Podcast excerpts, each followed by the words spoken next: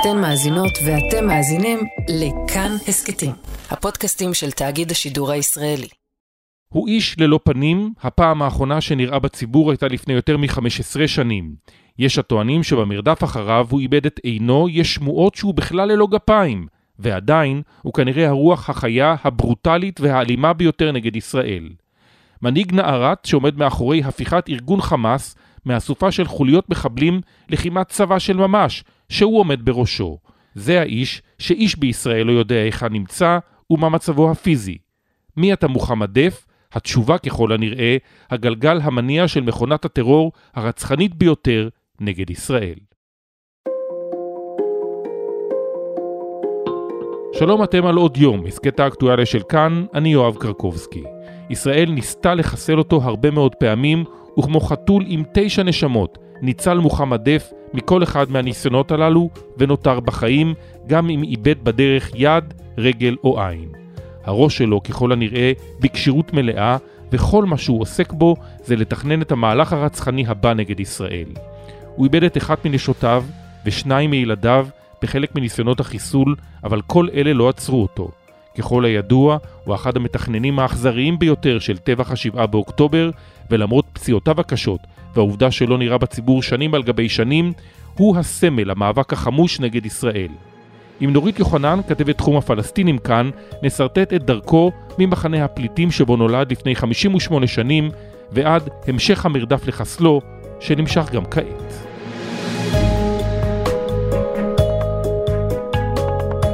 שלום נורית יוחנן. שלום. אני חושב שקודם כל צריך להתחיל לפני הכל עם אה, הידיעה שיוצאת השבוע. השבוע חמאס וישראל מודיעים על חיסולם של כמה מבכירי התנועה. בואי נעשה סדר קודם כל, מי חוסל במהלך השבוע האחרון? אז אנחנו מדברים באמת על כמה שמות שחמאס מודה אה, סוף סוף בימים האחרונים בחסות הפסקת האש ואומר באמת ישראל חיסלה אותם כמה שמות אה, די בכירים הכי בכיר אולי הוא אחמד רנדור, אה, חמאס הודיע על מותו יותר משבוע אחרי שישראל אמרה שכנראה חיסלו אותו, זה סוג של אלוף פיקוד צפון של עזה, אבל הוא בעצם יותר מזה, הוא ותיק מאוד בזרוע הצבאית, פחות או יותר מאז שהיא הוקמה בתחילת אה, שנות ה-90, מי שהפך בעצם את גדודי סדיני קסאם מאיזשהו ארגון טרור של כל מיני חוליות כאלה לצבא ממוסד, בעיקר אחרי היציאה של ישראל מעזה ב-2005. יש עוד שמות שכבר חמאס הודיע עליהם בשבועות האחרונים, איימן נופל, שהוגדר מפקד חטיבת אה, מחנות המרכז, אבל בעצם שוב, יותר אלוף פיקוד מרכז, גם כן ותיק מאוד, חבר המועצה הצבאית, אפילו ישב אה, תקופה בכלא המצרי על הפעילות שלו אה, בחמאס לפני כמה שנים. זה בזרוע הצבאית, מבחינת הזרוע המדינית חוסלו כמה וכמה חברים כבר, חברי הלשכה המדינית של חמאס בעזה, מה שנקרא הגוף שהוא לא אחראי ישירות על הזרוע הצבאית, אבל השם הכי מעניין, שככה ייתכן וחוסל, יש הערכות בישראל שחמאס עדיין לא הודה בו, זה ראוכי מושטר, ראוכי מושתע, אחד האנשים המקורבים ביותר אה, ליחיא סנואר כל חייו כמעט, ישב איתו בכלא באותו תא 22 שנה, השתחרר איתו ביחד, הוא חלק היום מהמעגל הכי קרוב אליו, ממעגל ההחלטות המצומצם בעצם של בכירי חמאס בעזה, הוא צריך לומר ככל הנראה חוסל, יש הערכות, שוב, אה, בחמאס עדיין לא הודו בזה, ייתכן ואנחנו נשמע על זה בהמשך. עם כל הכבוד אה, לרשימה הזאת אה, שנשמע שבאמת יש בה בכירים ואפילו בכירים אה, מאוד בתוך הארגון הזה, שם אחד עדיין מתקשים להגיע אליו, הלו הוא מוחמד דיאב אברהים אל-מצרי, שהוא, מי אם לא אחר? מוחמד דף. נורית, אולי תחדדי לי, מה באמת תפקידו היום של מוחמד דף, 32 שנים לאחר שהצטרף לארגון חמאס? אז הדבר המדהים הוא ואולי מה שהופך את מוחמד דף למוחמד דף, זה שהוא הצטרף לפני 32 שנה לחמאס, אבל פחות או יותר כבר 30 שנה שיש לו את אותו התפקיד. הוא ראש הזרוע הצבאית של חמאס. בתחילת שנות ה-90 זה אמר להיות אחראי על כמה חוליות אה, טרור, אבל תחת הנהגתו 30 שנה זה הלך וגדל לעוד חוליות ועוד אנשים ועוד יכולות, ירי רקטי, כל מיני רחפנים, כל מיני דברים שלצערנו ראינו אה, גם בחודש האחרון, והיום היום הוא עדיין ראש הזרוע הצבאית של חמאס, הוא פשוט אה, ראש צבא היום. זאת אומרת, חמאס היום, הזרוע הצבאית, היא עשרות אלפי מחבלים. יש לה יכולת לא רק אה, ככה בקרבות אה, בקרקע, אלא גם ברקטות וגם בכלים אה, אחרים, כלי טיס בלתי מאוישים ודברים מהסוג הזה. והוא פשוט זה שגידל את הזרוע הצבאית של חמאס. זה אחד הדברים שהפכו אותו להיות אה, הסמל שהוא, הוא נשאר בתפקיד שלו כל כך הרבה זמן, בלי בעצם שישראל תצליח להרוג אותו. Wow.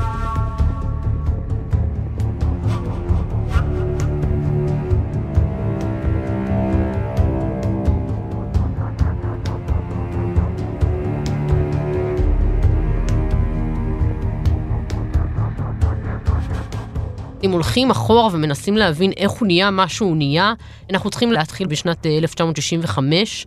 אה, אה, אז הוא נולד במחנה הפליטים ח'אן יונס, בדרום אה, רצועת עזה. הוא איש מבוגר היום, הוא כמעט בן 60. מחנה הפליטים ח'אן יונס זה מחנה הפליטים שיצא ממנו גם מיכי סנואר, שמבוגר ממנו בשלוש שנים, לא, לא בהרבה, אה, וגם אפילו עוד דמות מוכרת, לא קשורה לחמאס, אבל דמות אה, פלסטינית שהייתה הרבה מאוד שנים ככה מעורבת בזירה, מוחמד דחלן. כולם גדלו פחות או יותר באותם שנים באותו מחנה פליטים בדרום אה, רצועת עזה, מחנה הפליטים ח'אן יונס. כאמור, הוא נולד בשם מוחמד אל-מסרי בכלל, דף זה כינוי, זה חלק מהעילה. הסיפור הזה של מחנות הפליטים בעזה זה מאפיין מאוד אה, נפוץ אצל רוב בכירי חמאס בעזה לאורך השנים, גם היום. הם גדלו במחנות הפליטים, עזה בעצם הפכה להיות רצועה, שטח שהמון ממנו מחנות פליטים, ובעצם הכפילה את האוכלוסייה שלה ב-1948. אה, המון המון כפרים במישור החוף ברחו, גורשו, ואז המשפחות אה, הקימו שם כל מיני מחנות פליטים. ו... הגדילה הזו במחנות הפליטים יש לה כל מיני מאפיינים, זה גם לגדול באזור יותר צפוף, זה הרבה פעמים אזור יותר עני, אבל יש לזה בעיקר חשיבות בתפיסה. בסופו של דבר גם היום, כשזה דור שלישי או רביעי במחנות הפליטים, גם בעזה אבל גם במקומות אחרים, יש תפיסה שאתה לא גדל בבית האמיתי שלך, שאתה באיזשהו מקום, מקום ארעי כזה. ואתה תחת האסון הזה שקרה מבחינתך ב-1948, וצריך לתקן, צריך לחזור בחזרה. וחמאס השתמש בזה, השתמש בעובדה שבאמת הרבה מאוד מאוכלוסיית עזה והחברים הראשונים בחמאס גדלו ככה, וזה פחות או יותר האווירה שבה מוחמד דף ועוד רבים רבים שהפכו להיות גם בכירים אה, בחמאס אה, גדלו באותה אווירה. מוחמד דף מצטרף לשורות המנגנון הצבאי של חמאס, ארגון יחסית חדש שמתחיל להיות מוקם בסוף שנות ה-80, במהלך האינתיפאדה הראשונה. בעצם אה, אפילו קצת לפני זה, בשנות ה-80, אה, מוחמד דף הוא חלק מהתא האסלאמי במועצת הסטודנטים, באוניברסיטה הראשונה של עזה, האוניברסיטה האסלאמית, אה, שוב, עם הרבה מאוד התחזקות של גורמים אסלאמיים ברצועת עזה באותם שנים, אז כל מי שהגלגולים המוקדמים של חמאס, אפשר לקרוא לזה, ולחמאס, כשהוא כבר חמאס, הארגון שאנחנו מכירים אותו היום, הוא מצטרף באינתיפאדה הראשונה, בשנים הראשונות ממש של ההקמה של הארגון הזה, ואחרי זה ממש בראשיתו של הזרוע הצבאית, גדודי קסאם, ממש ראשית שנות התשעים, הוא מצטרף גם אליהם. צריך להגיד, בהתחלה לא הזרוע הצבאית, כמו שאנחנו מכירים אותה היום, ודאי לא איזשהו צבא גדול, מאורגן, זה חוליות, זה חוליות טרור. הייתה אז חוליה גם בעצם במקום מגוריו, במקום שבו הוא גדל, בח'אן יונס, אחת מהראשונות, אז הוא הצטרף אליה. ודי מהר הוא נהיה חלק מהפיגועים. כבר ב-93 הוא משתתף באיזשהו פיגוע בגוש קטיף, נהרגו שם שני חיילים. זה הכרוז שהופץ היום בעיירה ח'אן יונס. הוא כתוב בכתב יד והפיצו אותו אנשי עיז הדין על הקסאם שהגיעו לעיירה חיונס והחלו לחלק את הכרוז הזה לתושבים. בכתב יד הם כותבים, בשעה 6:30 בבוקר חטפנו חיילים, רצחנו אותם והשלכנו את גופותיהם על יד ח'אן יונס. על הכרוז הזה הם צילמו את תעודות הזהות של שני החיילים. אבל יחסית מהר, זאת אומרת, אה, בעקבות החיסול של עימאד אקל, עימאד אקל אה, ממייסדי הזרוע הצבאית של חמאס, ישראל חיסלה אותו בעצם בנובמבר של אותה שנה, בנובמבר 93, דף ממונה לראש הזרוע הצבאית של חמאס.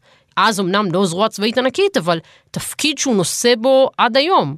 אה, כמעט אין דבר כזה, והייתי אפילו מהמרת ואומרת, אין דבר כזה בחמאס, שאדם מחזיק בתפקיד כל כך בכיר ולא חוסל ולא נהרג, וישראל לא מצליחה בעצם להרוג אותו כבר 30 אה, שנה.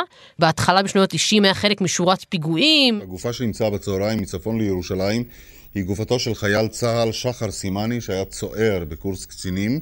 החייל נתקע למוות, ככל הנראה על רקע לאומני. רצח של חיילים שחר סימני ואריה אה, פרנקנטל. חייל צה"ל טוראי אריה צבי פרנקנטל יובא היום למנוחות בשעה אחת בבית העלמין בחולון.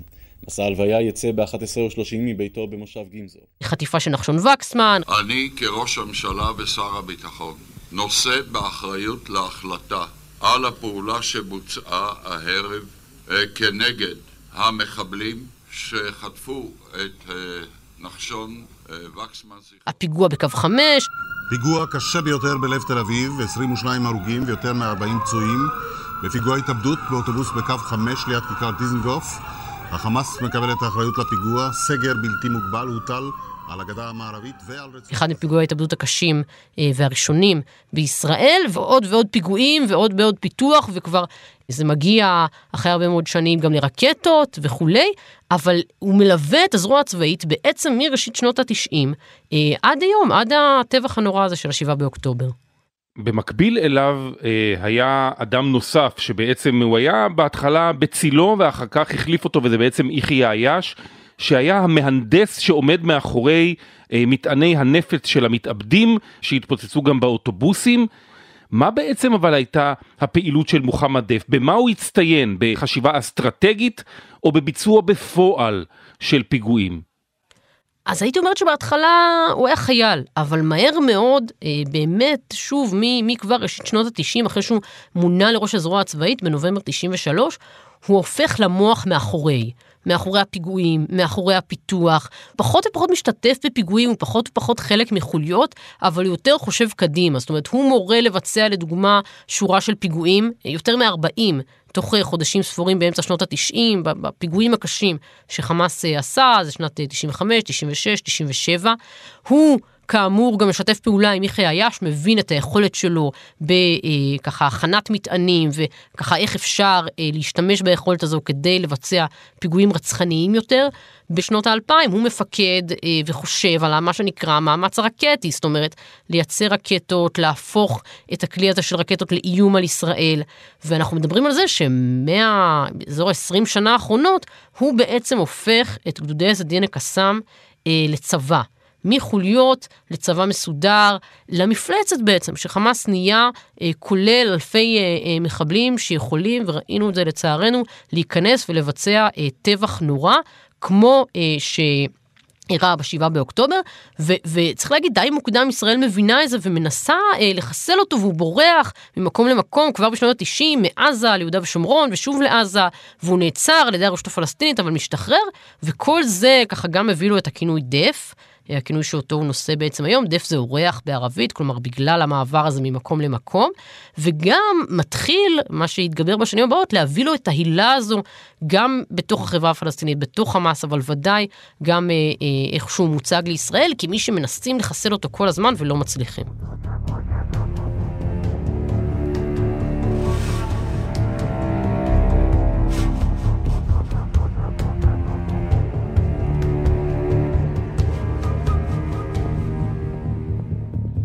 והניסיונות הראשונים לחסל אותו על ידי ישראל במסגרת אה, הניסיון אולי אה, לפגוע בתשתית הזאת שהוא מייצר מתוך מחשבה שאם פוגעים בראש התשתית אולי זה גם פוגע ביכולת להמשיך ולפגע בישראל. הניסיונות הראשונים אה, לחסל אותו הם בסוף שנות התשעים, למעשה ב-1998. בשלב מסוים ישראל לא רק ככה נלחמת נגדו, אלא ממש מנסה לחסל אותו, וזה מתחיל כבר בשנות ה-90. אבל החיסול הראשון אפשר להגיד מהאוויר, כלומר הסיכול הממוקד שאנחנו יודעים בוודאות שנכשל, אה, זה באוגוסט 2001, אה, בשעה שהוא היה במכונית במחנה הפתים אל-בורג' בעזה. תחילה לניסיון ההתנגשות בעזה, בחמאס אומרים כי ישראל כשלה בניסיון לחסל את מוחמד דף, בכיר המבוקשים של החמאס בשטחים. מסוקים של צה"ל ירו לעבר שיירה של מכוניות ליד מחנה הפליטים אל-בורג'. מן הירי נהרג קצין פלסטיני. לדברי החמאס, מוחמד דף, שהיה בשיירה, הצליח להימלט. הוא מצליח להתחמק ממנו. בספטמבר 2002, זאת אומרת שנה אחר כך, שוב, ישראל משגרת טילים אה, למונית, כשהוא שוהה במונית בשכונת אה, שייח' רדואן בעזה. ערב טוב, שלום רב לכם. בישראל עדיין לא מאשרים הערב כי מוחמד דף אכן נהרג בתקיפת חיל האוויר. מסוקי חיל האוויר פגעו בצהריים במכוניתו של בכיר מבוקשי החמאס ברצועה, בחמאס טוענים דף ניצל. הדיווח על החיסול נמסר לראש הממשלה, בשעה שניהל ישיבה ביטחונית בתל אביב עם שר הביטחון. האנשים שהיו איתו, שומרי הראש שלו, ככל הנראה נהרגים. הוא עצמו לא מת בניסיון חיסול הזה, הוא מחולץ פצוע מתוך מכונית בוערת, המכונית הבוערת ההיא, והוא אה, ככל הנראה איבד את אחת מהעיניים שלו, סבל מכוויות מאוד אה, קשות, אבל זה לא נגמר שם. כשהוא היה באחד הכינוסים אולי הדרמטיים ביותר של הנהגת החמאס בספטמבר 2003, כל הנהגת חמאס כמעט נמצאת ביחד, ישראל יודעת על זה, אך מפספסת. בעצם בספטמבר 2003 יש איזשהו מפגש של כל ראשי החמאס באותה תקופה. כל צמרת החמאס, באמת הנבחרת שבעזה מובילה את כל טרור החמאס משייח' יאסין, חמד דף, אה, רנטיסי, באמת כולם. זה אבי דיכטר, מי שהיה אז ראש השב"כ, מתאר את האירוע בפרק של התוכנית זמן אמת, ששודרה בכאן 11. ההזדמנות של, אני לא זוכר כזו לפניה, ואני לא מאמין שהייתה אחריה. באמת, החמאס עשה את טעות חייו, וכשהתחלנו לקבל את המודיעין, היה ברור שזו הזדמנות שהיא קורית פעם בחיים. בסופו של דבר ישראל מפציצה את הדירה הזו, אבל חומר הנפץ לא מספיק אה, חזק, לא ממוטט את הבניין על יושביו. בכירי חמאס אה, נפגשו, שהו בהפצצה הזו בקומה התחתונה של הבניין, ולכן הם כמעט ולא אה, נפגעים. אבל אז ראינו את כולם רצים מהבית החוצה, כל רב המחבלים רצו מהבית החוצה. אחד האנשים שלנו שראה את זה בחוזי, אמר שאני היה מוכן להישבע שהוא ראה את שייח' יאסין רץ על רגליו. עוד ניסיון אה, בשורה ארוכה של ניסיונות לחסל גם את דף וגם את שאר בכירי חמאס. אבל זה לא נגמר שם, זאת אומרת, היו עוד אה, ניסיונות שבהם אה, הוא נפצע, נפצע קשה, אפילו לפי דיווחים מסוימים אה, אושפז, אה, טופל, לדוגמה, ביולי 2006, שוב ישראל אה, מנסה אה, לחסל אותו. בצפון הרצועה נכשל הבוקר ניסיון חיסול של צמרת הזרוע הצבאית של החמאס. לאחר הפצצת הבית שבו הסתתרו, פגע חיל האוויר גם במכונית שהבריחה את מי שנמלט מהמקום. בינתיים המשיכו היום הפלסטינים. מדובר אז בהתקפה של חיל האוויר על איזשהו בית שבו הוא אה, שוהה ככל הנראה, ולפי מה שישראל מבינים, הוא נפצע, הבית מתמוטט וכולי, הוא אפילו מאבד איברים, כלומר ייתכן יד, רגל נקטעו, מרותק לכיסא גלגלים אה, ומשותק. ברוב אה, אה, חלקי גופו, ועדיין אה, אנחנו רואים אותו אחרי כמה שנים שוב אה, בקלטות.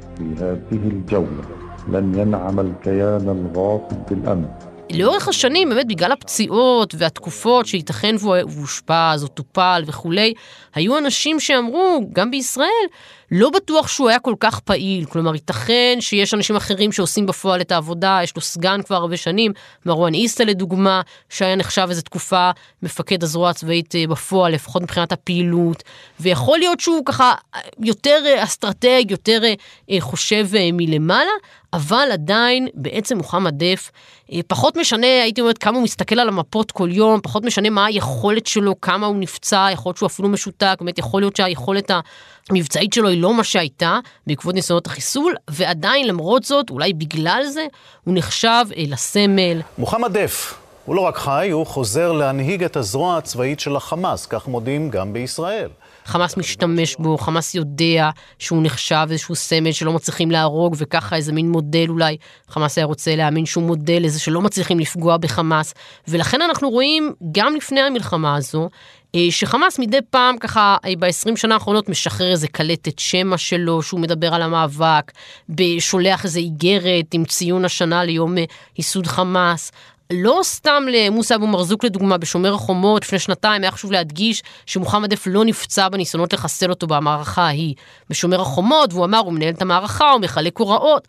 יש פה ניסיון לייצר איזושהי עילה לבן אדם הזה שצריך להגיד, לישראל התיעוד המתפרסם שלו, שתמיד מראים את תמונתו ככה על מסכי הטלוויזיה, תיעוד מתחילת שנות ה-90, הבן אדם כבר כמעט בן 60, הוא לא נראה ככה היום, הוא לא נראה בציבור ככל הנראה מ-2008, זאת אומרת בכוונה, גם כשהוא ככה שולח קלטות זה בחושך, זה מוצלל, יש הרבה הרבה עניין פה, הייתי אומרת אפילו, של יחסי ציבור, סביב הניסיון להדיר את הדמות הזו, ובסוף בסוף, בראשית המלחמה הזו, גם הייתה הודעה של מוחמד דף אה, על ירי. ירי של יותר מחמשת אלפים רקטות והכרזה על המערכה הזו, שהם קראו לה מבול אל-אקצא. מפקד הזרוע הצבאית של חמאס, מוחמד דף, הודיע הבוקר כי במכת הפתיחה של המתקפה שוגרו אל ישראל כחמשת אלפים רקטות. החלטנו לשים קץ לכל הפשעים של הכיבוש הישראלי. כדי באמת אה, לתת ככה עוד איזושהי תמיכה מורלית אולי לחמאס ולומר, הנה, הסמל שלנו כבר 30 שנה, הנה הוא עומד גם בראש המערכה הזו. ובעצם מנהיג כמעט ללא פנים. הוא כל הזמן מתחבא, לישראל יש רק מידע מודיעיני, וצריך להגיד בדרך כלל די קלוש איפה הוא נמצא, תמונה שלו, איך הוא נראה, איך הוא נראה גם לאחר החיסולים, איש עוד לא ראה. הפעם היחידה האחרונה שהוא נראה ככל הנראה בעזה, בציבור, הוא מוקף אנשים, זה ב-2008, באיזושהי אה, אה, הלוויה של בכיר חמאס. מאז בעצם גם בעזה אין דיווחים על זה שהוא נראה, שהוא מסתובב, אפילו לא במלחמות, אפילו לא במבצעים, אפילו לא בכל מיני אירועים, בהלוויות של בכירים אחרים, בהלוויות של שני הוריו, לדוגמה, שמתו בשנים האחרונות, שום דבר. אה, בעצם איש צללים כזה, לא ראו אותו, אה, גם בעזה יותר מ-20 שנה, חלק מהדבר הזה שהופך אותו להיות אה, הסמל שהוא.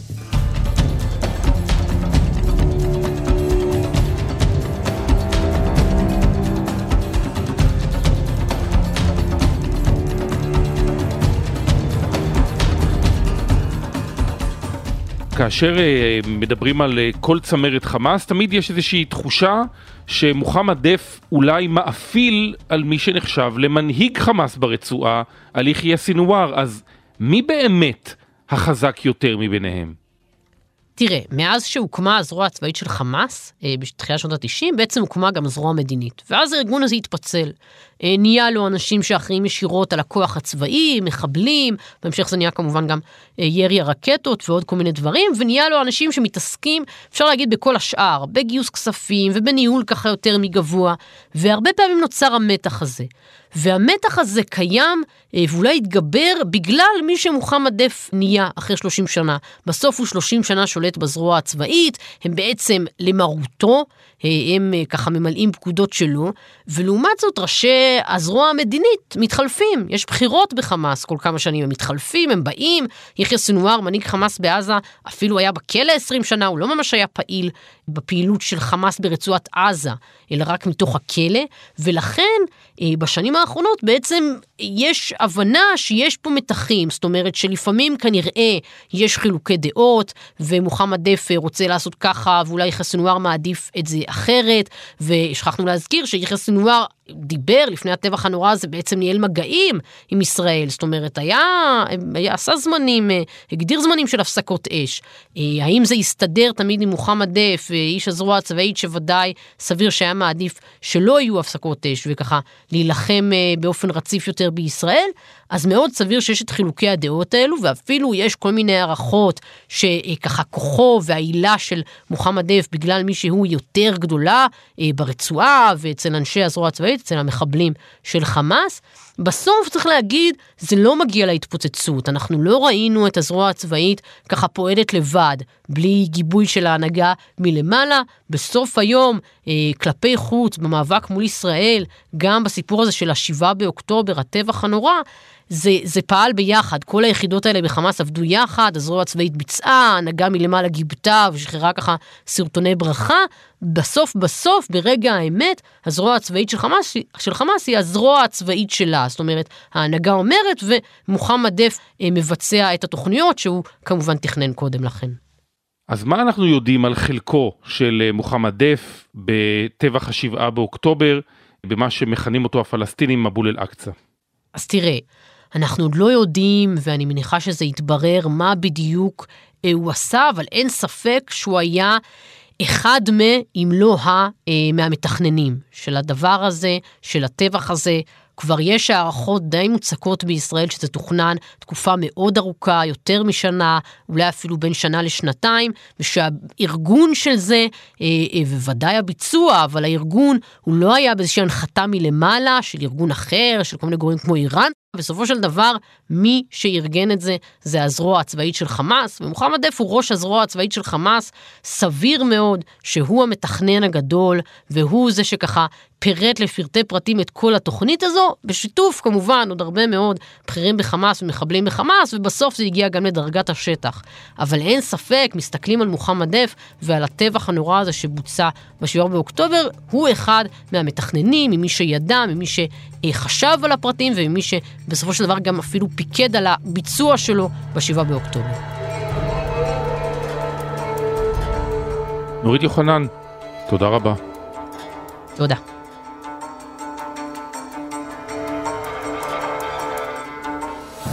האזנתם לעוד יום, העורך הוא דניאל אופיר, עיצוב קול ומיקס אלעד זוהר, על הביצוע הטכני שלומי יצחק, דימה קרנצוב ויוסי תנורי, בצוות האורחים יותם רוזנבלד. פרקים חדשים של עוד יום עולים בכל יום ראשון, שלישי וחמישי, לכולם ולהסכתים נוספים מבית תאגיד השידור הישראלי, אפשר להאזין ביישומון כאן, באתר שלנו או בכל יישומון הסכתים. אותנו אפשר להשיג בקבוצת כאן הסכתים בפייסבוק, בחשבונות שלי בפייסבוק או טוויטר, אני יואב קרקובסקי. נשתמע.